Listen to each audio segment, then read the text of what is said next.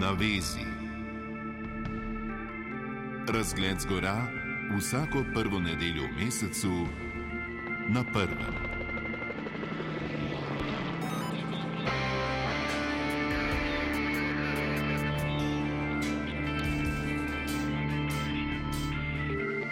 Razgled na oddajo.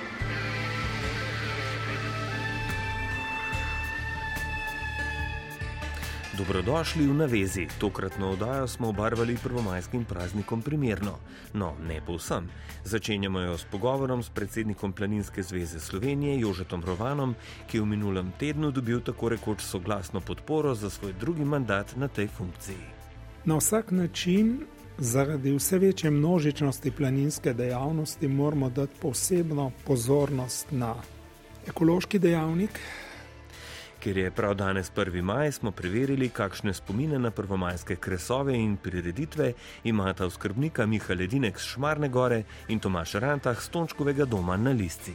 1. maj, to je bilo lepo, recimo, ne? sam 1. maj, ne? predvečer, tisti mi je bil pa grozen. Ne? Dr. Petr Mikša v svojem prispevku opisuje fenomen paklenice v Dalmaciji za slovenske plezalce ikoničnega kanjona, ki ima največji obisk prav med prvomajskimi počitnicami.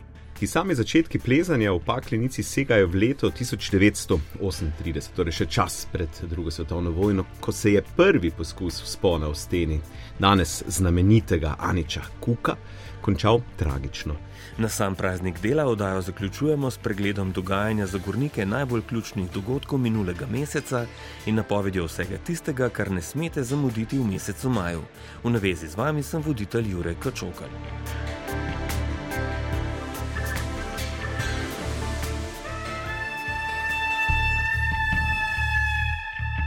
Na vezo smo tokrat povabili gosta Jožeta Rovana, starega in novega predsednika Planinske zveze Slovenije, ki je v soboto 23. aprila dobil skoraj soglasno podporo za svoj drugi mandat na čelu te slovenkam in slovencem izjemno pomembne organizacije.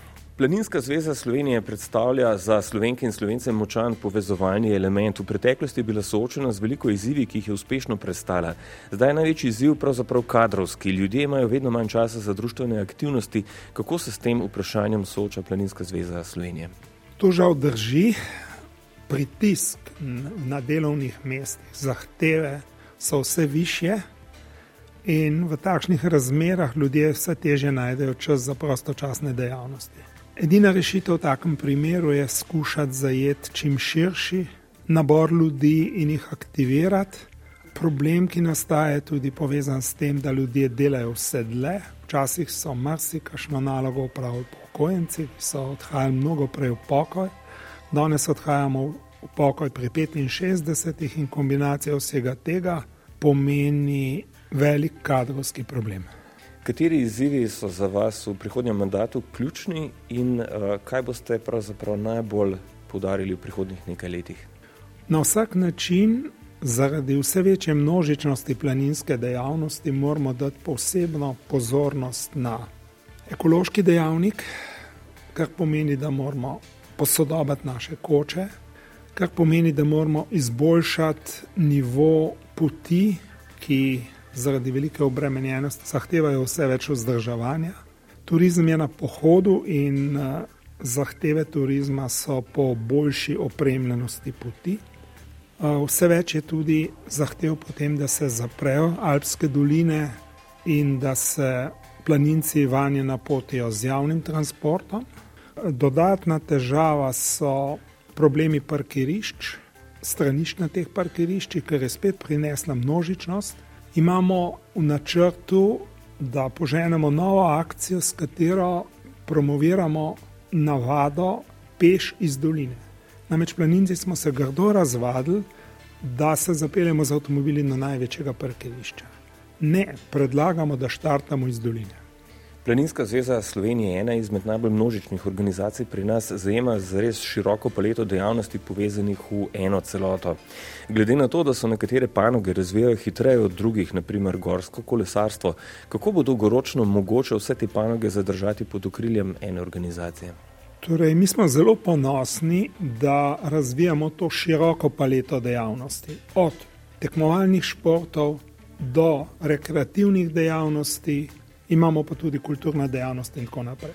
Vse to pod isto streho in pod skupnim imenovalcem združujemo vse tiste, ki odhajajo v naravo in ki s svojo dejavnostjo pretirano ne obremenjujejo naravnega okolja. Kako zadržati te dejavnosti je seveda izziv, predvsem pri tekmovalnih športih.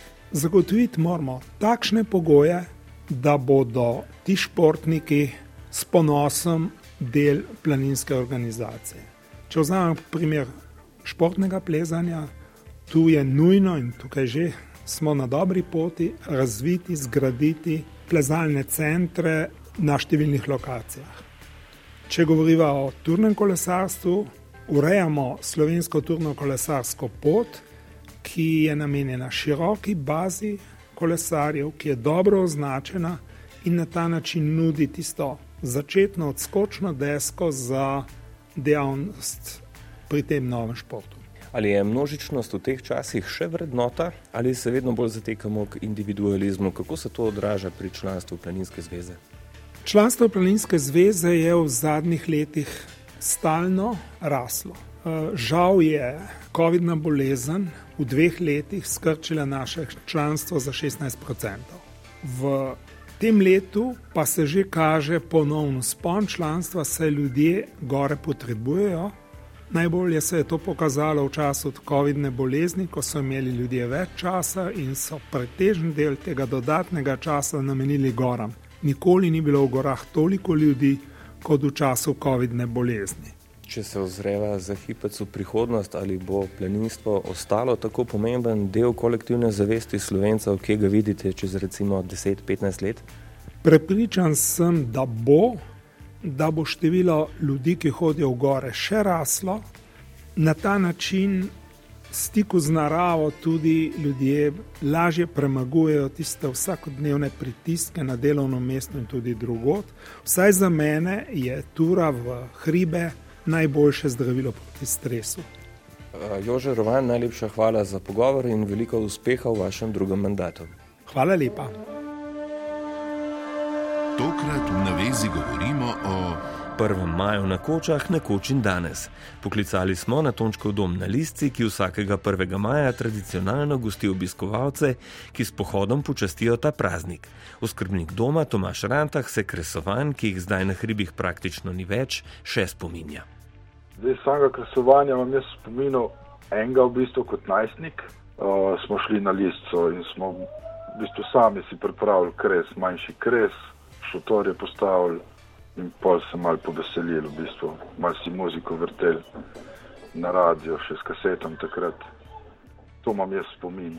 Spomin imam bolj prvi maj na listi, to je bilo pa redno, da smo z družino že prej obiskovali, pol tudi sam kot mladostnik in tudi sam kasneje z svojo družino sem hodil. Je bil tak tradicionalni pohod na, za prvi maj na listo. In to je nekako ostalo do danes. Ljudje še zmeraj za 1. maja radi, lahko rečemo, tudi tradicionalno pridejo na listo. Ne? Se mi zdi, da je večja tradicija kot to samo kresovanje. No? Je tista 1. maj. V primeru lepega vremena je res obisk maksimalno. Se otroci veselijo in na igrišču so otroci in tako. Tako, rajanje bi rekel, celodnevno je to. Torej, tudi danes, če bodo ljudje, obiskovalci, prišli na listo, bodo imeli kaj videti in doživeti. Ne? Prvo imamo, je proslava Zveze svobodnih sindikatov Slovenije, potem pa, ko se to zaključi, pa mi nadaljujemo z musko.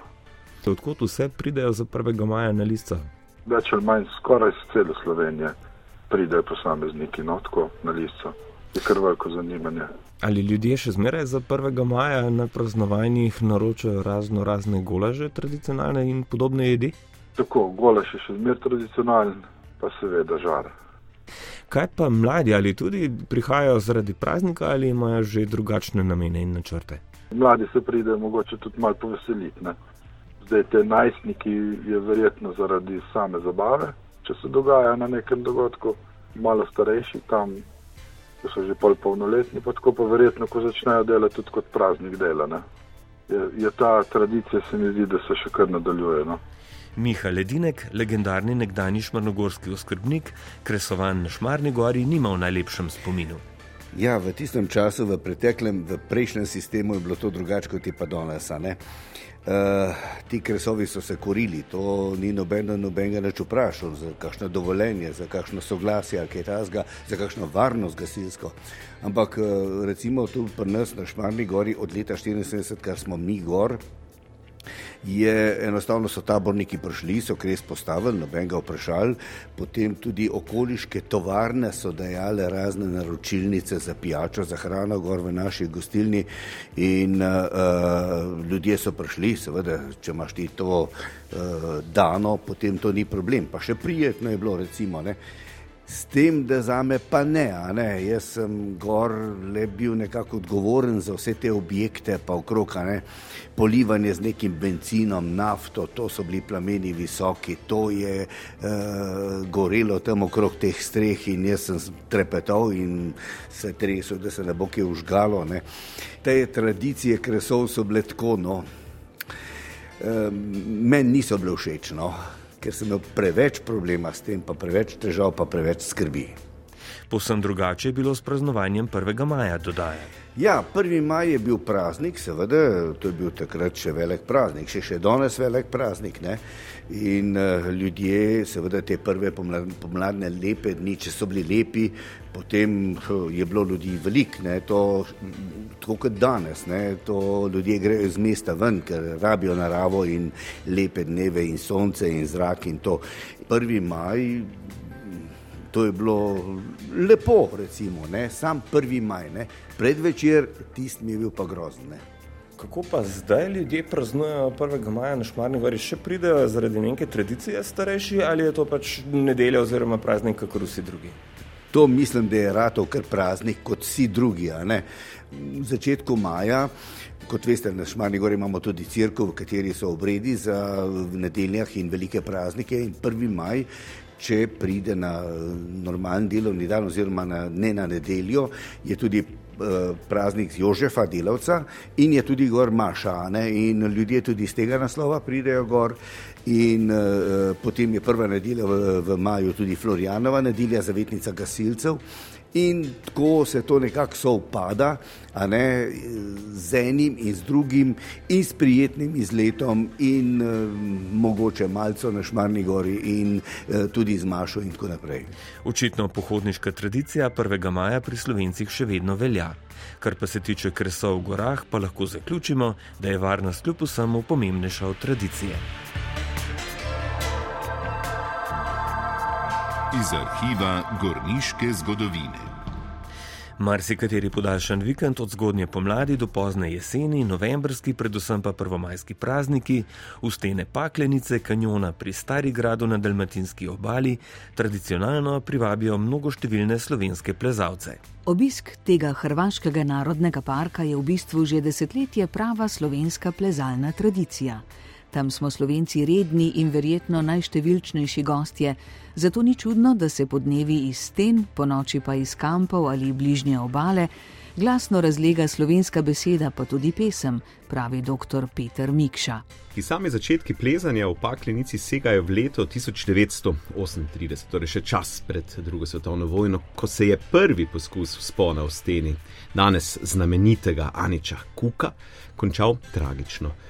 Pri sponu se je takrat po nesreči v Zagrebčan Dragotin Bram v liniji, ker je poskusil, sta na to dve leti kasneje, 1940, prvo smer preplezala Marjan Dragman in Slavo Brezovečki in smer poimenovala v njemu čast, danes je to poznana Bramova smer. Prvi plezalni obisk slovencev v tem, danes lahko rečemo svetovno izjemno priljubljenem plezalnem področju, pa datira v letu 1957. Takrat je Boris Kambič, dober, znan slovenski alpinist tistega časa, predvsem pa ga danes poznamo tudi kot očeta odlične alpinistke Monike Kambič, so plezalcem, Hrvatom Borisom Kuličem, preplezal danes ultra klasiko v stenah Aniča Kuka torej, in tudi celotne paklenice, govorimo o mosoraški smeri. In to je bila takrat šele druga smer. Boris Kambič se je rodil v Splitu. Starša, oba sicer doma iz slovenske primorske, sta zaradi pritiska italijanov, ki so po koncu Prve svetovne vojne dobili velik del današnje Slovenije, pribežala v Jugoslavijo. Starša sta se v iskanju službe znašla v Splitu in tam se jima je leta 1939 rodil Boris. Pri 15 se je včlanil v lokalno planinsko društvo Mosor, Po koncu mature, govorimo o letu 1957, pa je Boris, takrat je bil star 18 let, skupaj s kolegičem Kuličem odšel v Paklenico. Kulič in uh, Kambič se znajdeta v Paklenici, ampak do tja sta morala še priti, iz Splita do Zadra sta potovala z ladjo, od tam pa ni bilo takrat še nobene avtobusne povezave do Starigrada, torej do kanjona uh, Paklenica. Ni bilo niti še cest. Današnja Jadranska magistrala je bila v bistvu le v načrtih, med vasvi so bili še kolovozi in tako sta dobrih 30 km, ki jo je od zadra ločilo do pakleniških sten, večinoma prepešačila.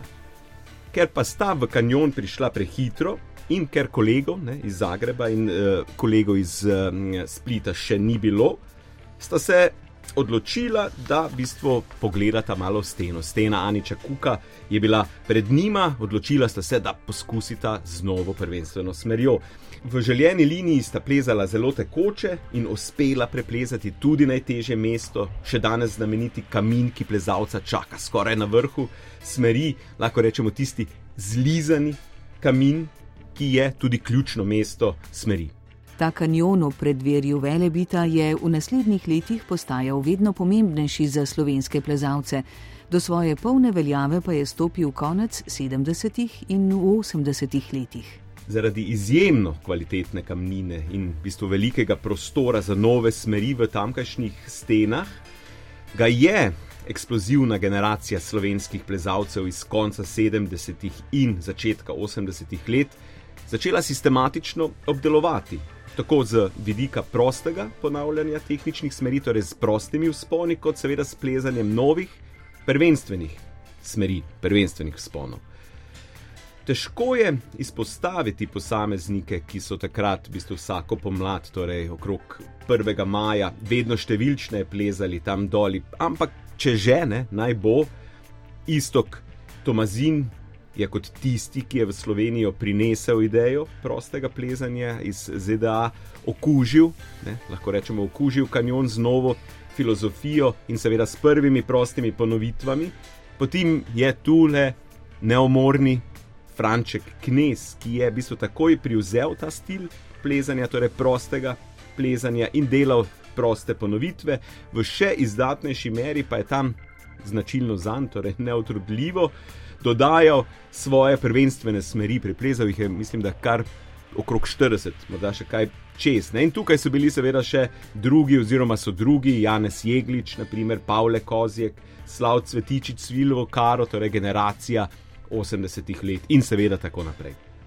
Seveda so tudi dekleta odigrala pomembno vlogo in pri njih je treba vsekakor omeniti Lidijo Pajnkiher in njene zgodne proste ponovitve tamkajšnjih klasik. Njen znan spon je vsekakor prosti spon v klinu.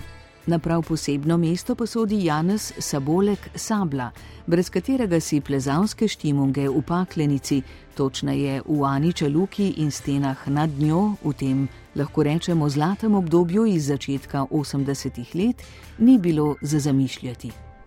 Poleg tega, da je bil Janez zelo dober plezalec in je ponavljal vse najtežje smeri, plezal še zraven prvenstvene smeri, je pogosto s svojimi zvočniki ne, in s tem je bistvo, postal najbolj znan nekako v današnji plezalski eh, združbi in seveda z izbrano rokovsko glasbo držal po konci v stravnik pod steno Aniča Kuka. Takrat se je namreč tam, torej na ravnini pod Aniča Kukom, na ravnini, ki se imenuje Aniča Luka, še lahko šotorilo. Vladimir Mesarič se naprimer spominja, da je enkrat iz stene, iz štanta, ne, če rečemo po plezalsko, pod sabo naštel kar 400 šotorov. Tako so v bistvu imeli plezalci pred ali kar iz šotorov nad sabo v živo, ne, e, s plezalno zgodbo, torej lahko so spremljali gibanje na ves nad sabo in za vsak dober spon se je tako, tako je razvedelo. konkurenca je zato pogosto že naslednji dan vrnila udarec. Prav to pozitivno tekmovalno vzdušje z obilo, ne, treba reči, z obilo sproščenosti in zabave, a vseeno obilico odličnih sponov. Tistega časa je pripomoglo, da je danes paklenica za slovenske plezalce skoraj en mitski kraj, ki v bistvu še vedno, ali pa lahko rečemo celo vedno bolj, vsako pomlad, največ ravno za 1. maja napolnijo pakleniške stene.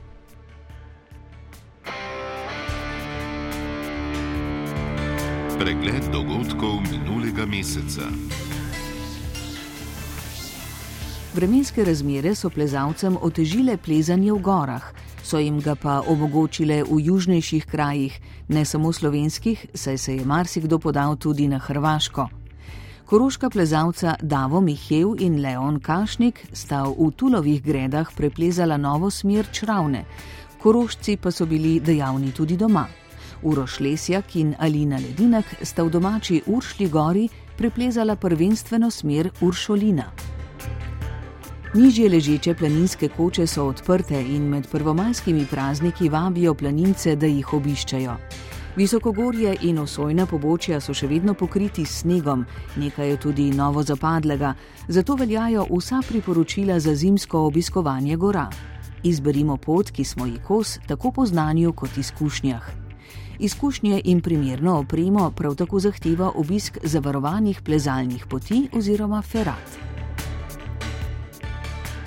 Tekmovanje Mladina in Gore iz planinskih znanj, veščin in izkušenj že več kot 30 letja osnovnošolce pripravlja na varnejši in samostojen obisk gora. Letos so šestič svoje poznavanje planinstva pokazali tudi srednješolci. Osnovnošolski državni prvaki so 9. aprila v Litiji postali člani ekipe Nanoške zveri iz Postojne pred neustrašnimi gorskimi učenjaki iz Kranja in planinskimi mulci iz Litije. Srednješolska odličja so si razdelili zmagovalki Gorski kuri iz Tržiča, pred litijsko dvojico prihaja Nodi na drugem in najboljšima pod nanosom na tretjem mestu.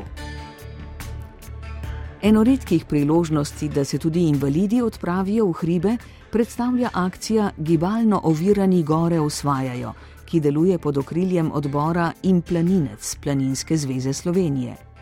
Ti pohodi so dostopni tudi za planince na invalidskih vozičkih in pohodnike, ki pri hoji potrebujejo pomoč. Za letos pa načrtujejo 12 pohodov, ki so jih predstavili 6. aprila.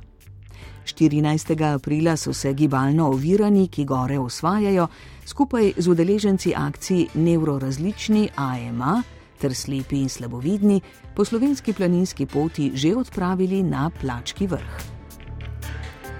Na redni letni in volilni skupščini Planinske zveze Slovenije so delegati planinskih društev za predsednika krovne planinske organizacije izvolili dosedanjega predsednika Planinske zveze Slovenije Jožeta Rovana.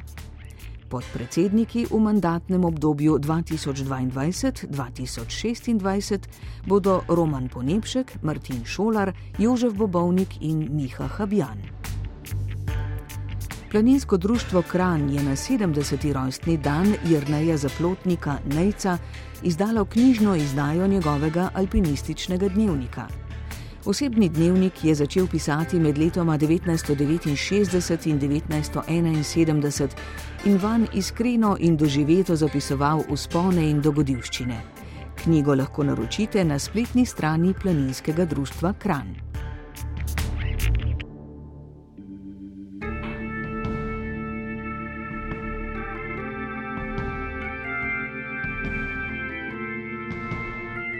Na vezi v mesecu maju.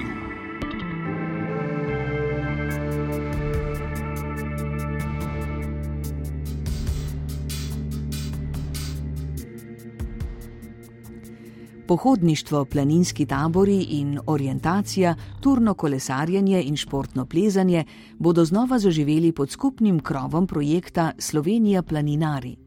Po vsej Sloveniji se bo letos v organizaciji Planinske zveze Slovenije in planinskih društev zvrstilo več kot 250 dogodkov, od tega 72 v okviru tedna vseživljenjskega učenja, ki se začenja 9. maja.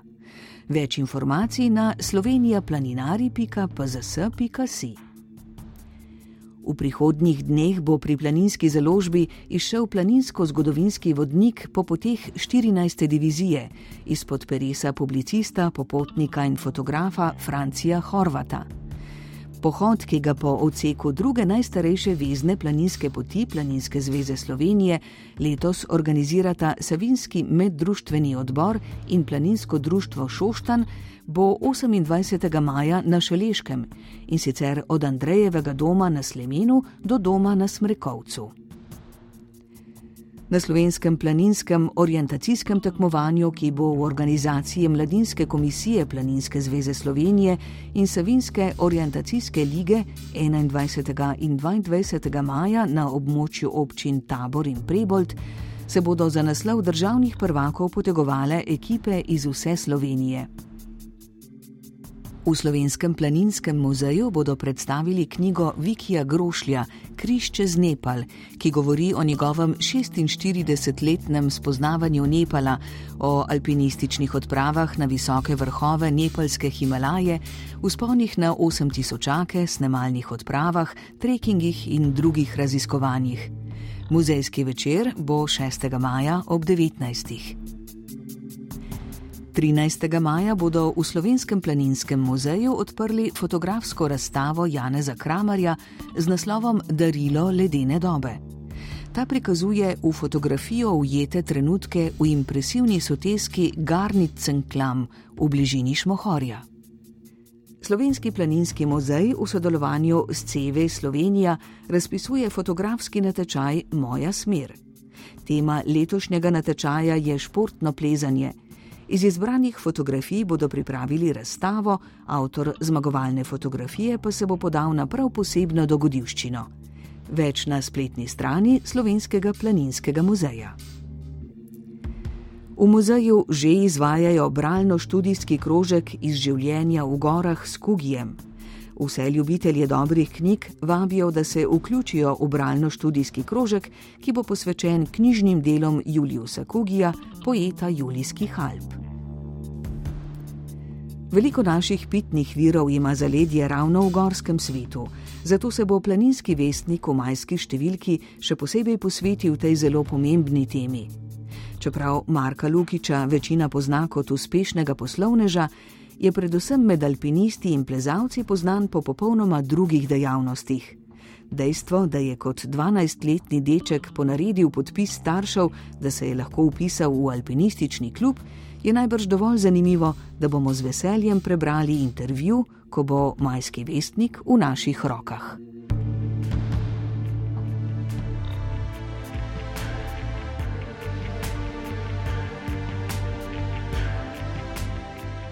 To je bila majska oddaja v navezi. Na prvo junijsko nedeljo se bomo znova navezali z vami. Do takrat pa naj bo vaš korak varen, razgledi pa čim lepši. Oddajo v navezi pripravljamo v sodelovanju s Planinsko zvezo Slovenije, Planinskim vestnikom in Slovenskim planinskim muzejem. Navežemo se vsako prvo nedeljo v mesecu ob 14.30 minut. V navezi z vami smo bili tonski mojster Vladimir Jovanovič, napovedovalka Eva Longika Marušič, dr. Petr Mikša in glasbeni urednik Rudi Pančur urednica uredništva izobraževalnega otroškega in mladinskega ter dokumentarno-feltonskega programa Etina Lamošek, oddajo pa sem uredil in vodil Jurek Kočokal. Na vezi. Razgled z gora vsako prvo nedeljo v mesecu na prvem.